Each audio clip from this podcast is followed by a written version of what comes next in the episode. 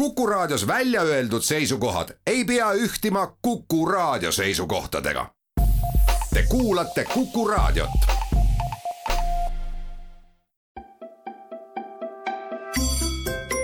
haridusmõte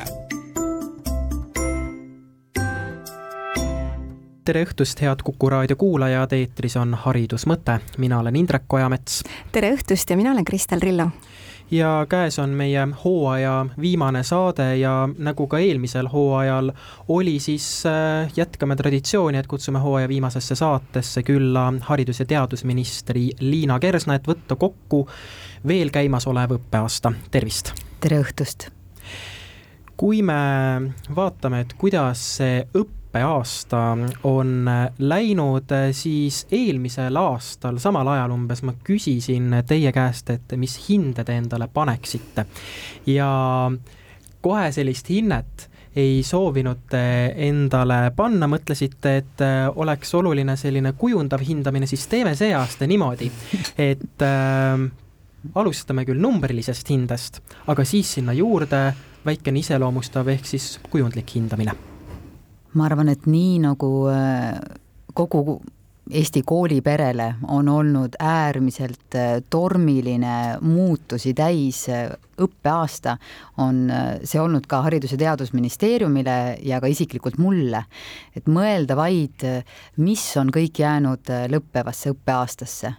esiteks äh, me alustasime põhimõttega, et me hoiame kindlasti koole lahti, olime õppinud äh, eelmise õppeaasta kogemustest, et valitsus äh, lausaliselt koole ei sulge, me olime teinud erimeetmed koolidele, et viirus äh, võimalikult vähe saaks levida koolides.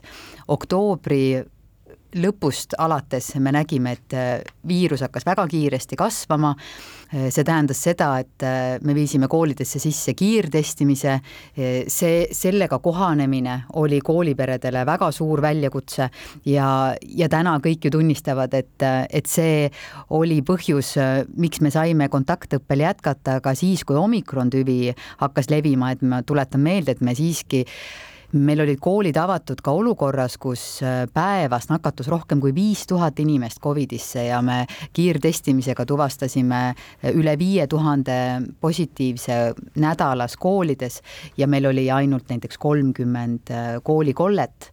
et ähm, on olnud hästi tormiline ja nüüd, nagu sellest kõigest oleks vähe, tuli sõda. tuli sõda ja meil on tänaseks enam kui viis tuhat sõjapõgenikust last ja noort meie haridussüsteemis, mis taaskord on väga raske. nii et äh, nii nagu laste hindamisel tuleb alati arvestada seda, et ähm, et millised äh, on olnud olud, millised on olnud võimalused, siis äh, kindlasti olen ma saanud hakkama vähemalt rahuldava hindega. ehk siis see on neli või kolm? No ma ei tea, minu lapse koolis Kolm. Äh, hinnatakse näiteks kümne palli süsteemis. aga kui me viie palli süsteemis paneme, siis oleks vist pigem kolm äkki, jah? no ma ikkagi arvan, et pigem neli. selge aga kui nüüd minna just ikkagi rohkem sellise äh, sisupunktide juurde, et noh, õpe ju toimub pigem ümber teemade ja osk-, oskuste ja teadmiste, siis äh, mis meil on täna veel aktuaalne kindlasti, ongi põhikooli lõpetamine. ja eile oli siis esimene põhikooli äh, eksam, see oli eesti keele eksam, ja, ja eelmine aasta sa äh, saates ka ütlesid, et ähm, sellel, sellel teemal on oodata ehk reforme. mis siis on tehtud või mis on juba nii-öelda rohkem plaanis, kui see aeg on võimaldanud plaane teha? Esiteks meie põhikooli lõpetajad äh, lõpetavad äh, sarnastel tingimustel nagu eelmine aasta, et äh, eksamid on kõigile kohustuslikud, aga eksami tulemus ei ole seotud kooli lõpetamise tingimusega. Ja tegelikult pärast nüüd neid Covidi aastaid väga suur osa haridusvaldkonnast toetas seda, et me jätkaksimegi sarnaselt nii, nagu me oleme teinud siin mõned aastad, et põhikooli lõpueksamid ei oleks seotud lõpetamisega ja teiseks, et, ähm, et neid eksameid äh, hinnatakse äh, saja punkti süsteemis. Ja, ja seda me tegime ka sellise muudatusettepaneku, et siis alaliselt oleksid eksamid lahti seotud lõpetamisest, seda toetasid koolijuhtide ühendused, õpilasesindused aga ka Haridustöötajate Liit näiteks, aga olukord on selline, et me ei saanud seda muudatust vastu võtta. kui põhikooli eksamid on lahti seotud sellest õpeta-, lõpetamisest, ehk siis sellest ei olene see, kas sa lõpetad põhikooli või mitte, siis mis mõte sellel põhikooli eksamil on? seda me arutamegi näiteks koolijuhtide ühenduse ja, ja Haridustöötajate Liiduga, et sellele eksamil peaks olema juba täna rohkem mõtet, sest mis mõte on täna sellel eksamil, sest äh, sisseastumiskatsed järgmisesse äh, haridusastmesse on selleks ajaks juba ammu tehtud. ka pingeread, äh, et kas laps sai sisse järgmisesse kooliastmesse või ei saanud, on juba olemas. Ja noortel ongi väga madal motivatsioon ja kas me sellepärast, et, et põhikool lõpetatud saaks, peame lapsi motiveerima eksamit tegema, et hindamisel on oluline osa õppeprotsessis, aga hindamisel peab just nimelt olema motivatsioon, miks seda teha ja see motivatsioon ei peaks olema selline väline motivatsioon, vaid, vaid pigem sisemine motivatsioon selleks, et kuhugi edasi liikuda. vaatamata sellele eksam ikkagi on selline tegevusprotsess, mis motiveerib Te võiksite arutada sel teemal näiteks hariduspsühholoogide Grete Arro ja, ja Kati Ausiga ja nemad ütlevad väga selgelt, et mida kõrgem on ühe testi panus, seda väiksem on õpilase sooritusvõime. nii et me võime küll öelda, et, et sa ei lõpeta põhikooli, kui sa seda eksamit ära ei tee aga me võime samamoodi olla kindel, et see laps ei suuda panustada nii palju, kui ta suudaks panustada sel juhul, kui, kui ta teab, et see on lihtsalt tema oskuste ja teadmiste objektiivne mõõtmine pärast õppeprotsessi. ja kui nad ise ka tegelikult aru saavad, selles vanuses noored ikkagi saavad aru juba, milleks midagi vaja on või kui palju seda pingutust sinna sisse panna, sest olles praegu selles, selle grupiga, selle sihtgrupiga, kes neid põhikooli eksameid teeb, väga tihedalt seotud, siis tõesti see pingutus sisseastumiskatseteks oli märgatavalt niisugune suurem, et nad teadsid, mis see, mis see sihiseade on, aga see lähenemine on üle Eesti ju erinev. et ähm, siin Harjumaal ja võib-olla ka Tartus on selline sisseastumise mis see nüüd siis on selline nagu, kus on tohutu sprint mingil hetkel on kolme kooli katsed, nelja kooli katsed, erakoolide katsed, riigigümnaasiumite katsed, et et nad lihtsalt on niivõrd väsinud selleks, kui see põhikooli eksamite aeg tuleb ja, ja meie eesmärk ongi, et äh, neid põhikooli lõpueksameid esiteks, et tõsta nad äh, varasemaks, selleks, et neid saaks kasutada gümnaasiumisse või ka kutsekooli sisseastumisel, et tal oleks suurem äh, kaal ja, ja see vast vähendaks ka laste pidevat testimist. Nii palju siis praegu põhikooli lõpueksamitest, läheme edasi teise teemaga, mis on samuti väga põletav olnud siin alates kahekümne neljandast veebruarist. see on Ukrainaga seonduv, Eestisse on jõudnud hulk Ukrainast sõjapõgenikke, sealhulgas ka koolilapsi, kes siis võiksid saada võimalust jätkata siin enda õpinguid. kui jõuab kätte esimene september, kas siis kõikidel Eestisse sõjapõgenikena saabunud Ukrainast koolilastel on olemas koht kus õppida.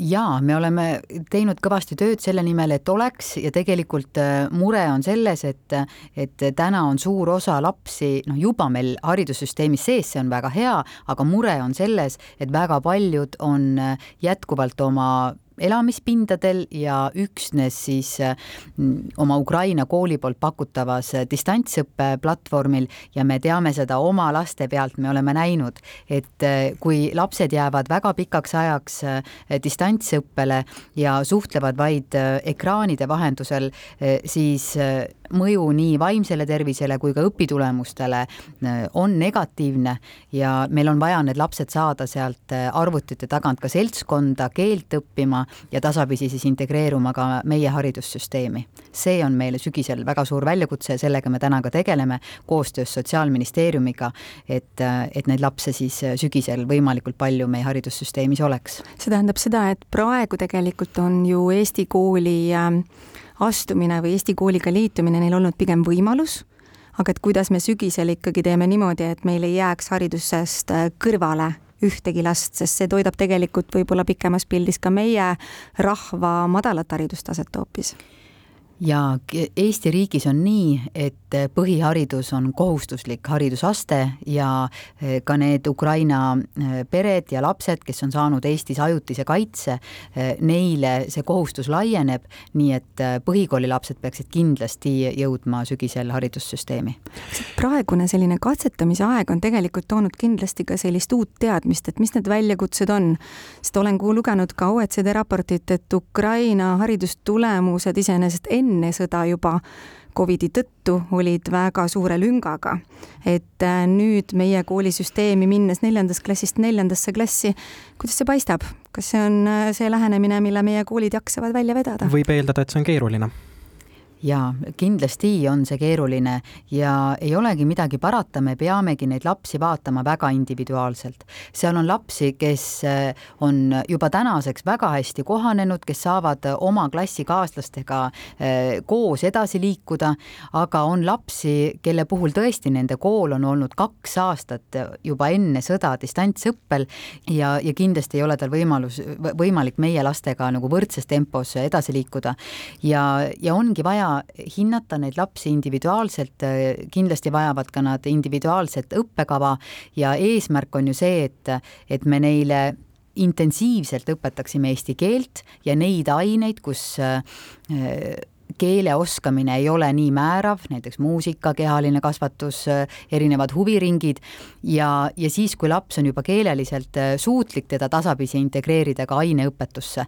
et tegelikult ei ole see ju midagi äh, nagu maailmas uut, et kui me vaatame näiteks kas või Soome-Rootsi haridussüsteeme, eh, seal oli juba enne Ukrainat eh, süsteem, näiteks Soomes ma just rääkisin Lee Andersoniga, oma kolleegiga Soomest, et on kohe alguses lisaaasta, et kui tuleb eh, uus sisserändaja, tema õppimise aeg pikeneb aasta võrra, mis on sisseelamisaeg kust me leiame õpetajaid, kes ähm, hakkaksid Ukrainast Eestisse tulnud õpilastega tegelema, eriti võib-olla keeruliseks võib muutuda just nimelt see keelekümbluse pool, seetõttu, et ähm, me oleme haridusmõtte saates ka rääkinud keelekümblusest ja sealt tuli välja, et ega meil neid keelekümbluse õpetajaid võib-olla et ülearu just ei ole, et äh, kuidas me selle väljakutsega hakkama saame? Ja neid äh, keelekümbluse õpetajaid äh, oleks võinud meil juba enne Ukraina sõda olla oluliselt rohkem. me pakume keelekümbluskoolitusi õpetajatele, sest et tõenäoliselt ka õpetajad ise tajuvad seda, et need on oskused ja teadmised, mida nad võiksid enda, endas nüüd väga kiiresti arendada.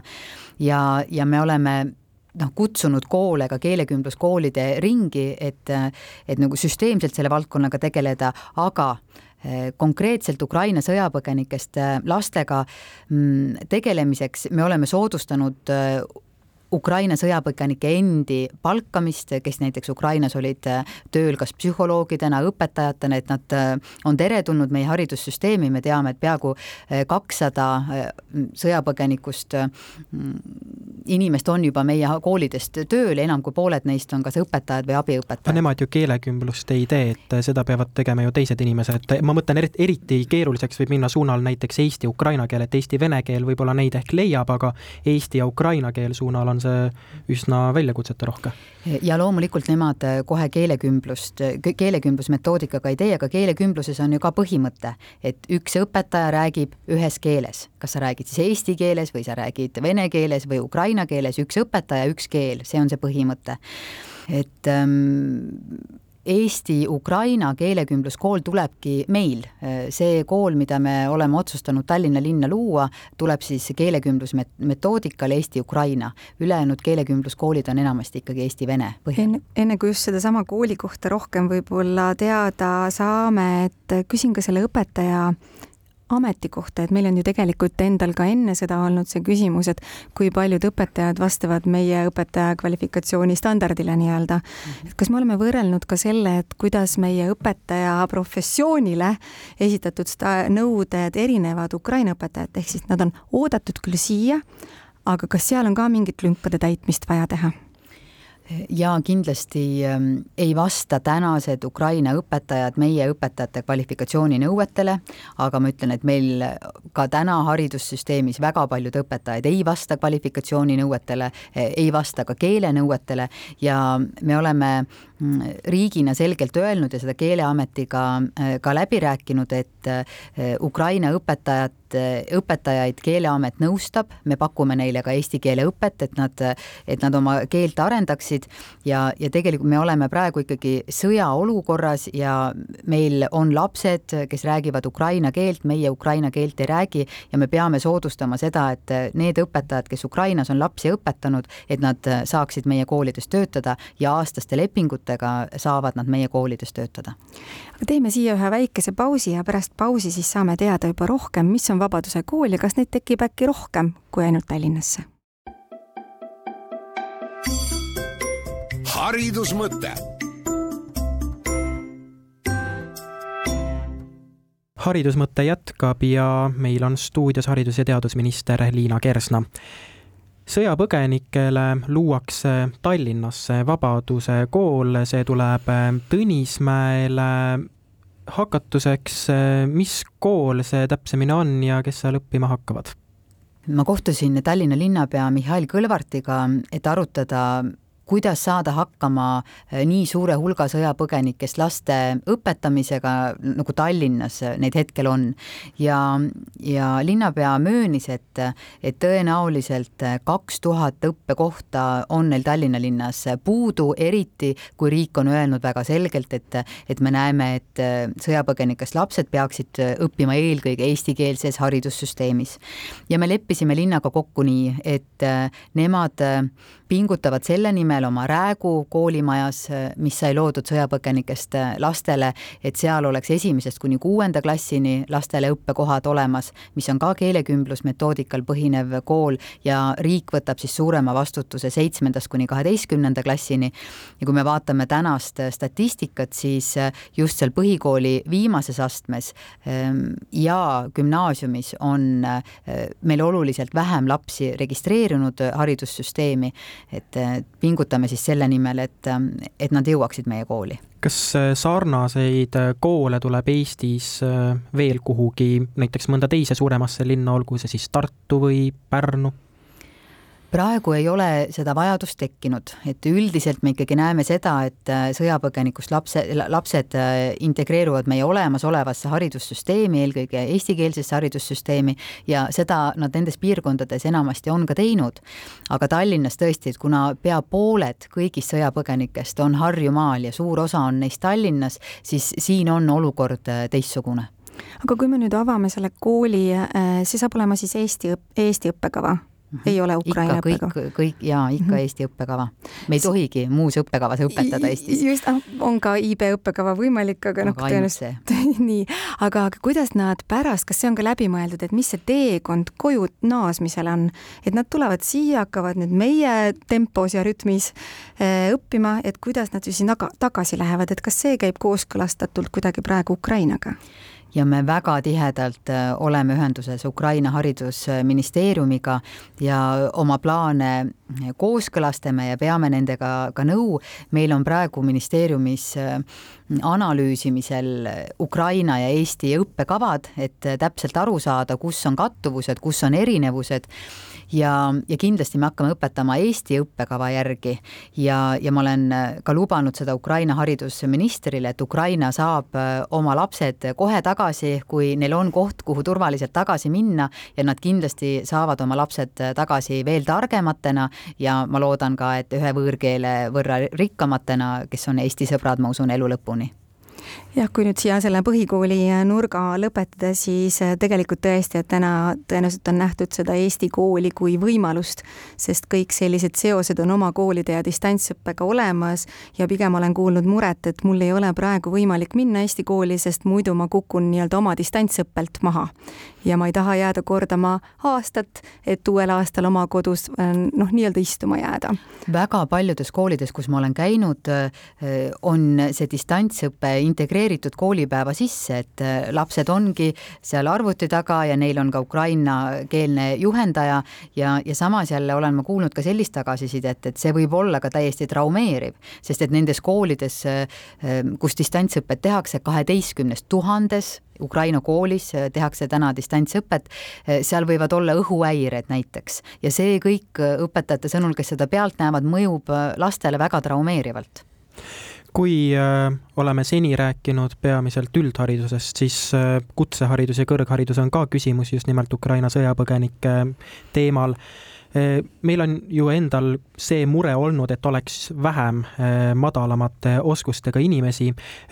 kas ja kuidas on siin just nimelt Ukraina põgenikega lahendus loodud kutsehariduse kontekstis, et missugused võimalused oleks neil kutsehariduses õppida, seal on ju palju eestikeelseid õppekavasid ja kutseharidusega tegelikult meil väga suurt muret ei ole, sest et kutsehariduses on juba enne Ukraina sõjapõgenike kriisi meil loodud äh, kutsevaliku aasta, mis just ukrainlastele sobib suurepäraselt. see on äh, aasta, kus nad saavad äh, intensiivset keeleõpet, kus nad saavad proovida erinevaid erialasid ja meil on kutsehariduses praegu veidi rohkem isegi sõjapõgenikke kui näiteks gümnaasiumiastmes.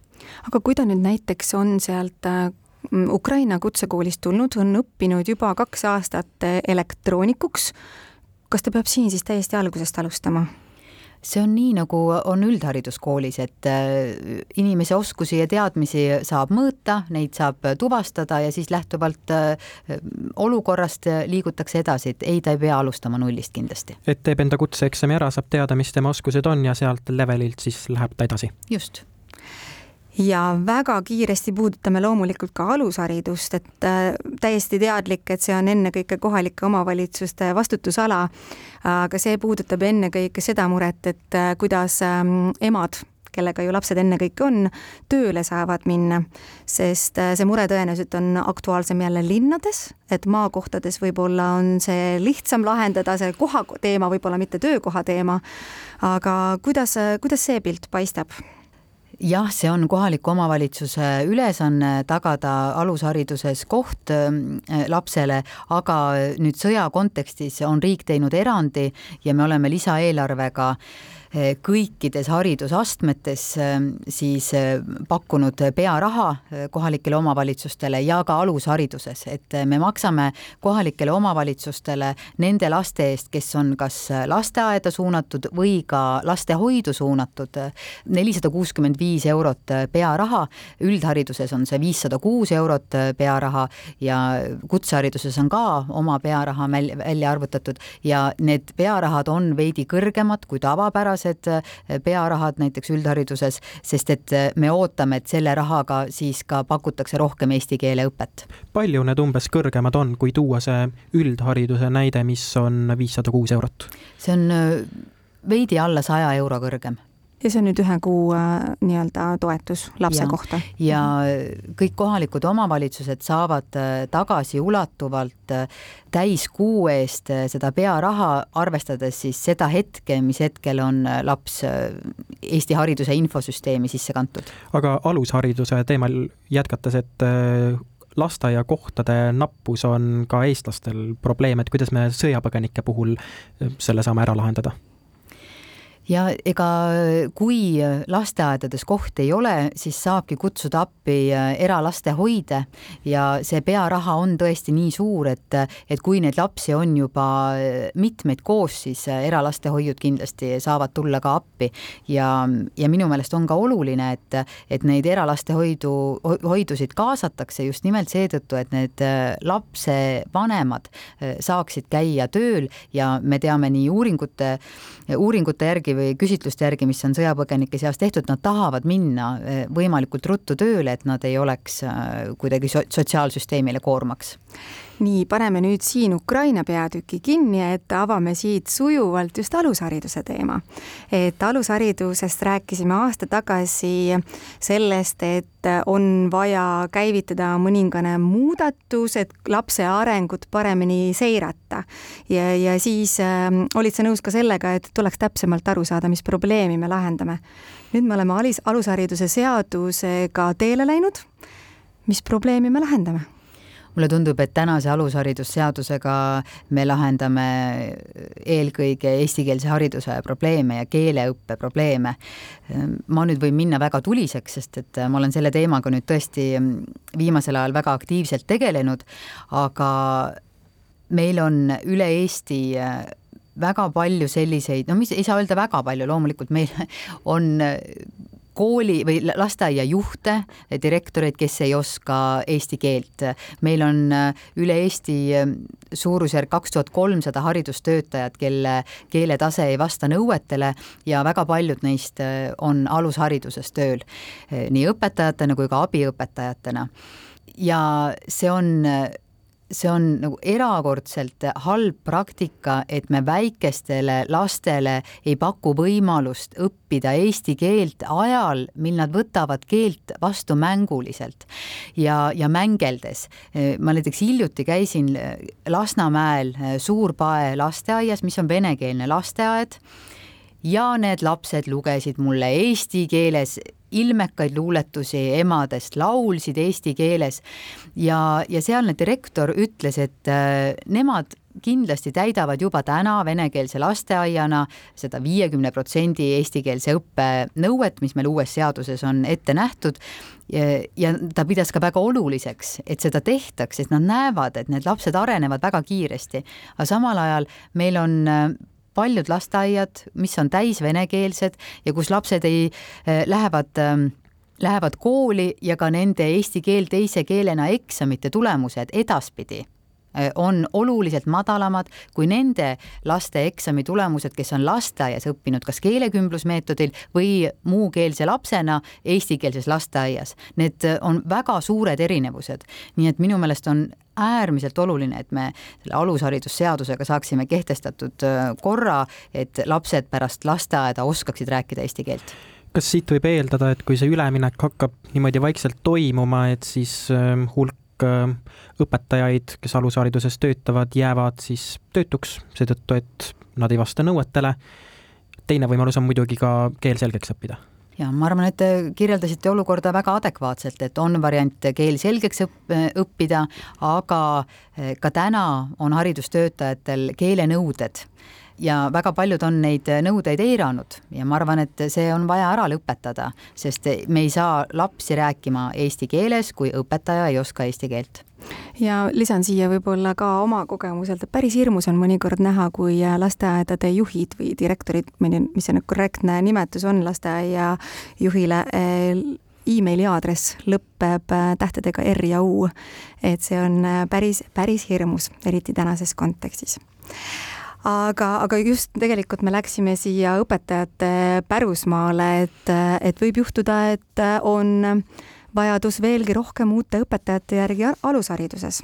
see valu on meile ikka jätkuvalt tuttav ka üldhariduses. kas praegu Haridusministeeriumil on ülevaade olemas, mis seisud meil aasta lõppedes on, kui palju neid täitmata töökohti saab olema? Meil kindlasti on vaja äh, rohkem alushariduse õpetajaid ja rohkem üldhariduse õpetajaid ja see, mida me oleme kohe kiiresti saanud teha, on, et me eraldasime nii Tartule kui Tallinna Ülikoolile kokku poolteist miljonit eurot, et äh, sellest nüüd uuest õppeaastast suurendada õppekohtade arvu sada nelikümmend üks ähm, õppekohta rohkem. Ja mida me nägime pärast Covid kriisi, oli see, et äh, need erialad, mis Covid kriisis olid kõige suurema surve all, õed haiglates ja õpetajad koolides, et need erialad muutusid noorte jaoks atraktiivseks. miks? No vot, me võime mõtiskleda selle üle, et, et miks see nii on, et mm, ma usun, et noh, seda ka ütlevad meile ju uuringud, et tänapäeva noored tahavad teha mõtestatud tööd. Ja tõenäoliselt nii õe töö kui ka kooliõpetaja töö on väga mõtestatud töö. Ja, ja me näeme aina suurenevaid konkursse, meil on alushariduses rohkem kui kümme inimest kohal, oli eelmine aasta eh, konkurss alushariduse õpetaja kohale ja teistes erialades olid ka oluliselt suuremad konkursid kui varasemalt varasemalt, nii et selle õppekohtade arvu suurendamisega me peame kindlasti jätkama, meil on öeldud, et, et järgmisel neljal aastal oleks kokku vaja viissada viiskümmend õppekohta juurde. muidugi seejuures võib eeldada, et füüsikaõpetajaid, keemiaõpetajaid ja matemaatika, et seal on olukord natukene keerulisem, et äh, noorte huvi ei ole võib-olla seda ainet minna just nimelt õpetajaks, et kui näiteks matemaatika või muu selline on selge, siis saab näiteks ka IT-sektoris või kuskil mujal palju tasuvamat tööd teha. ma olen väga nõus, meil on füüsikaõpetajatega on eriti ikkagi äh, väga keeruline olukord, iga neljas füüsikaõpetaja on kuuskümmend pluss vanuses ja, ja tõesti reaalõpetajate konkursid on olematud, et äh, või noh, või väga-väga väikesed ja me Tallinna ja Tartu Ülikooli baasil äh, soovime luua õpetajate akadeemiat, äh, mis oleks just suunitlusega loodus- ja täppisteaduste õpetajatele, et pakkuda hästi paindlikke võimalusi siiski õpetajaks õppida. aga teeme siia jutuajamisse taas väikese pausi. haridusmõte ja oleme tagasi haridusmõttelainel võtmas kokku mööduvat või lõppevat akadeemilist aastat. ja meil on külas haridus- ja teadusminister Liina Kersna. enne pausi rääkisime õpetajaks õppimise populaarsuse kasvust. et kas siis õpetajaamet ongi populaarsemaks kujunenud, õpetaja maine? ja tegelikult äh, tõesti seda näitavad meile ka uuringud, et äh, ühiskond äh, laiemalt hindab õpetajaametit ähm, kõrgelt. Äh, kes veel õpetajaametit äh, kõrgelt ei hinda, on õpetajad ise ja on märkimisväärne, väärne erinevus ähm, hinnangutel või õpetajate enda hinnangutel ja ühiskonna hinnangutel, aga noh, see mingil määral on see ka ju mõistetav, sellepärast et õpetajate elu ongi väga keeruline, väga paljud õpetajad töötavad ülekoormusega, samas on meil ka ähm, piirkondades, kus õpetajatel ei ole täiskoormust, töötavad alakoormusega ja on seetõttu ka alarahastatud, et ähm, et õpetajate eludes on väga palju suuri probleeme ja, ja see ja, ja ju nad siis tunnevad, et neid piisavalt siiski ka ei väärtustata ja, ja seetõttu ongi jälle nii, et mm, sügisel läheme vastu riigieelarve läbirääkimistele ja, ja nii nagu ikka, Haridus- ja Teadusministeeriumi üks vaieldamatu prioriteet on õpetajate palk, et see jõuaks lõpuks ometi meil saja kahekümnele protsendile riigi keskmisest, mis on, võiks ju olla see miinimum. ma saan aru just, et äh, selle palgatasemega on vist ju praegu niimoodi, et, et tegelikult on see Eesti keskmise mõistes on see hästi, aga sama kvalifikatsioonitasemega teiste eluvaldkondade võrdluses see siiski liiga hästi hästi ei ole. ja muidugi, et kui äh, võtta ähm, arvesse, et meie õpetajad, ähm, kellel on kvalifikatsioon, äh, peavad omama magistrikraadi, äh, siis, ähm, siis nad võiksid saada ka vastavalt nagu kõrgharitud spetsialisti keskmist palka ka. kvalifikatsiooninõuetel peatudes korraks ei saa küsimata jätta keeleoskuse teemat, mida me siin eelmises osas natukene puudutasime keeleoskus pole ju osa kvalifikatsiooninõudest, kui seda käsitletaks kui kvalifikatsiooninõuet, siis saaks äh, teha ju õpetajatele ja koolijuhtidele erandkorras äh, ajutisi ja neid aastaseid äh, töölepinguid. siin on ka see probleem, et meil on hulk õpetajaid, kes ei oska eesti keelt, nimetatakse neid ka umbkeelseteks, noh, peamiselt töötavad nad siis vene õppekeelega koolides. et kas ja kuidas on plaanis keeleoskus kvalifikatsiooninõuete hulka lisada, millal see sinna jõuab? jah, see on ka üks selline avastus mul ähm, ministriks ameti ähm, oleku ajal, et tõesti, meil on ähm, seaduses äh, ette nähtud ametid, äh, mil mida pidades ähm, peab oskama vastaval määral eesti keelt, siis nagu on ette nähtud, seal on erineval tasemel B2 või, või C1 tasemel ka hariduses. Ja siis on meil haridustöötajate kvalifikatsiooninõuded. Ja me käsitleme neid erinevalt, et noh, Keeleameti juht ütleb küll, et loomulikult on seaduses ette nähtud keelenõue ka kvalifikatsiooninõue, aga, aga me ei käsitle neid tegelikult koos. ja minu ettepanek on olnud ka ministeeriumis, et me lisame keeleoskuse nõude õpetajate ja koolijuhtide kvalifikatsiooni nõuetesse, mis on ministri määruse tasandil kehtestatud ja selle ülesande ma olen andnud ja ma loodan, et, et ma jõuan selle ära teha. kas me sellisel juhul saame vältida ka seda, et kus näiteks näiteks seitseteist aastat võib töötada direktori kohusetäitjana venekeelses koolis inimene, kes ei ole suutnud ära õppida eesti keelt ja talle on selle aja jooksul tehtud äh, seitse korda sunniraha, on ta pidanud maksma ja ja kõik muu selline. ühesõnaga probleeme Keeleametiga kui palju jah, siin on olnud ähm, koolipidaja otsus äh, sellist äh, koolijuhti ametis pidada, aga eile just tuli uudis, et äh, et see koolidirektor otsustas ameti lõpuks maha panna, ju siis surve läks nii suureks. aga jah, kindlasti see kvalifikatsiooni nõuetesse lisamine, see keeleoskuse lisamine võiks ennetada selliseid olukordi. see mõnevõrra on isegi tegelikult selline kahe teraga mõõk, et ühelt poolt me tegelikult tahaksime, et kõik, kes siin Eestis kauem viibivad, võtaksid omaks meie kultuuri ja keele. aga samas ma tean ka väga mainekaid koole Tallinna linnas, kus lapsevanemad isegi eelistavad maksta õppe eest, kui seda annab emakeeles inglise keelt rääkiv õpetaja. Need on täitsa erinevad asjad. Need on erinevad asjad, jah aga kui äh, võtaks selle õpetajate kvalifikatsiooni kokku veel, siis no mina enam ei tea ka, mis see õige vastus on, sellepärast et mulle tundub, et õpetajad on täna juba äh, kõrgemal tasemel kriisijuhid. Kas see kvalifikatsiooninõuetes kuskil on, on ka niisugune nagu juba. Ja. ja hästi tore tähelepanek oli tegelikult isegi kaks, et võtta natukene selliseks positiivseks siis ja õpetaja mainele natukene hoogu anda, et et küsisin üheks, ühelt õpetajaks õppivalt tudengilt, et noh, miks sest aga miks mitte, see on ju ainus, mis vaatab ainult tulevikku, et sa tegelikult ka mõjutad tulevikku. ja ühtlasi stabiilne töökoht ka, sellepärast et just. õpetajaid on alati vaja. näpsasid mult ära, sest see oli just üks ühe koolijuhi äh, infonupuke, et et kandideerimine õpetajaks, neil on konkurss, nad ei otsi tikutulega, aga neil on konkurss, sest just selle Covid ja majanduse, majandusliku ebakindluse kontekstis on õpetajaamet ikkagi nagu turvaline amet koos oma kriisijuhtimise oskuste eeldustega. ja aga eks me kõik inimestena areneme läbi kriiside ja raskuste, nii ka õpetajad. siin tahaks öelda, et jätaks mõned arengud vahele, et kui saaks kriisid välja jätta. jah aga ühte teemat ei saa ka puudutamata jätta ja see on äh, koroonaviiruse mõju ehk siis õpilüngad. Äh, jaanuaris äh, oli uudised, kus eraldatakse üksteist miljonit eurot õpilünkade tasandamiseks. mind huvitab see, et mis info põhjal me teame või eeldame seda, et õpilastel on tegelikult ka tekkinud koroonaviiruse pandeemia ajal õpilüngad.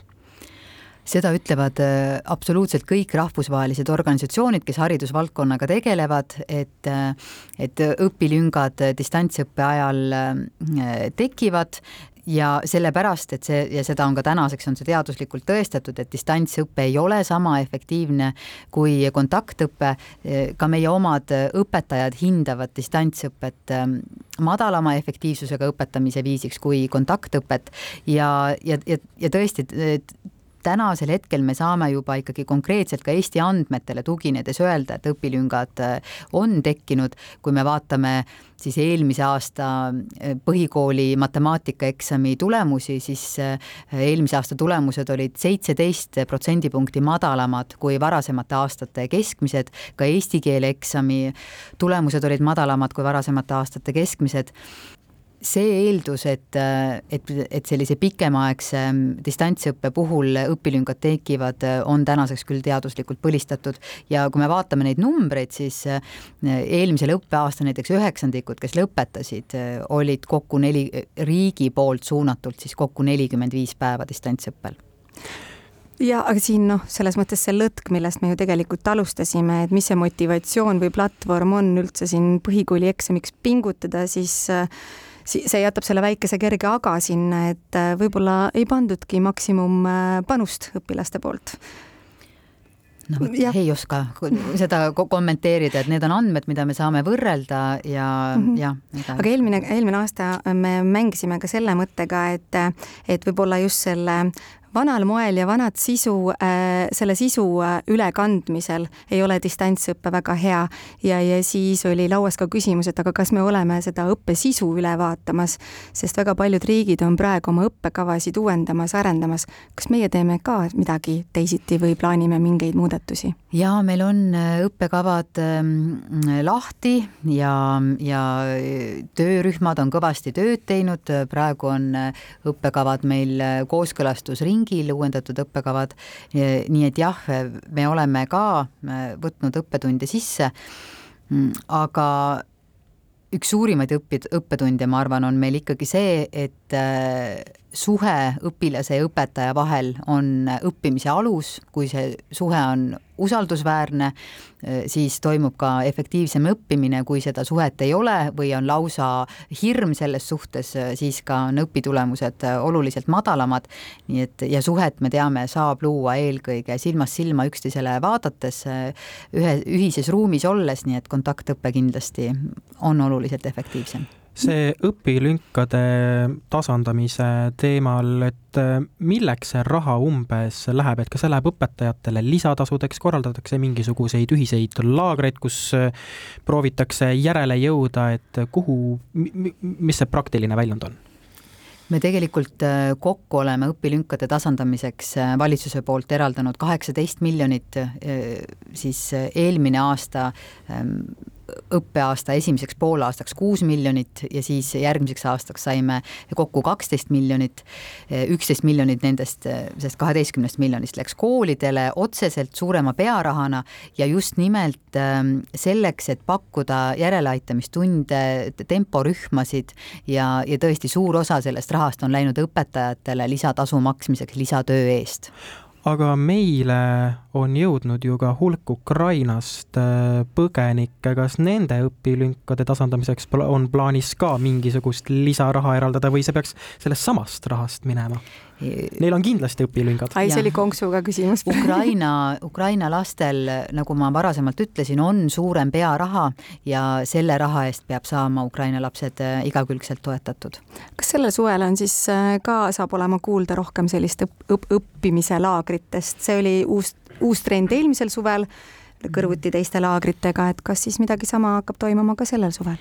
Sel suvel äh, me teeme keeleõppelaagreid, äh, kus on eesmärk õpetada Ukraina sõjapõgenikest lastele mm, aktiivselt eesti keelt ja nendes laagrites äh, kindlasti või nendesse laagritesse on kindlasti oodatud ka eestlased, sest eesti lapsed, sest me ju tahame, et need lapsed saaksid rääkida eesti keeles, et neil tekiksid suhted, sõbrasuhted, et oleks põhjust ikka eesti keelt rääkida meil hakkab varsti saateaeg otsa saama. Ja lõpetuseks ma küsiksin, et äh, kuivõrd äh, siin opositsioonierakondadel on kavas äh, teid umbusaldada, siis juhul, kui te mõne aja pärast enam ministrina ei jätka, mis oleks see mõned valik selliseid olulisi küsimusi, mida te enda järglasele siis kaasa annaksite, olulisi probleeme, millega peaks tegelema, mis on äärmiselt oluline kindlasti äh, õpetajate järelkasvu temaatika, see on äh, hariduse kõige strateegilisem probleem üldse. me oleme teinud ministeeriumis väga põhjaliku õpetajate järelkasvu tegevuskava ja nüüd on vaja seda tegevuskava hakata rakendama, me oleme otsast juba rakendamas seda. Äh, noh, näiteks õppekohtade arvu oleme suurendanud, tahame teha seda ka edaspidi, õpetajate palgakasv on, on selle õpetajate järelkasvu teema juures väga oluline, siis teiseks kõrghariduse valdkond on olnud äh, aastaid alarahastatud, tänaseks me oleme jõudnud kõrghariduse rahastamisega tõesti kriisi, kõrghariduse rahastamise probleem on vaja ära lahendada. Ja tegelikult millest me oleme väga vähe rääkinud, aga me peame väga tõsiselt vaatama sisse ka, mis toimub meie kutsehariduses.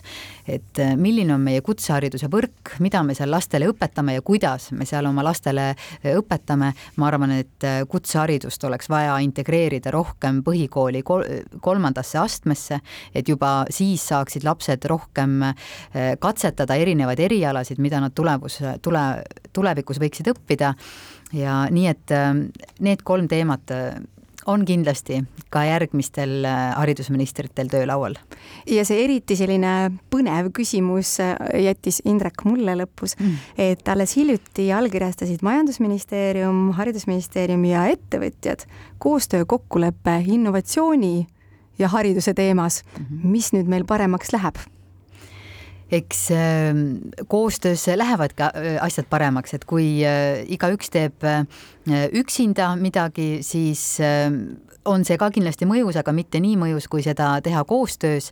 Ja meil on ähm, haridusvaldkonna säravaid iduettevõtteid juba väga palju ja, ja osad neist juba teevad ilma ka välisturgudel.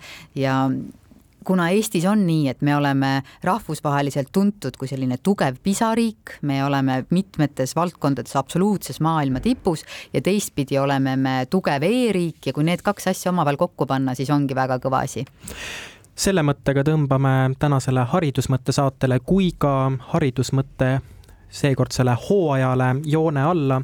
aitäh, et kuulasite, saadet saate järele kuulata Kuku raadio veebilehelt või siis ka erinevatelt podcastide platvormidelt meie soovime teile kena teisipäeva õhtut, kena suve ja kuulmiseni juba sügisel. mõnusat peatselt saabuvat suve, kuulmiseni. haridusmõte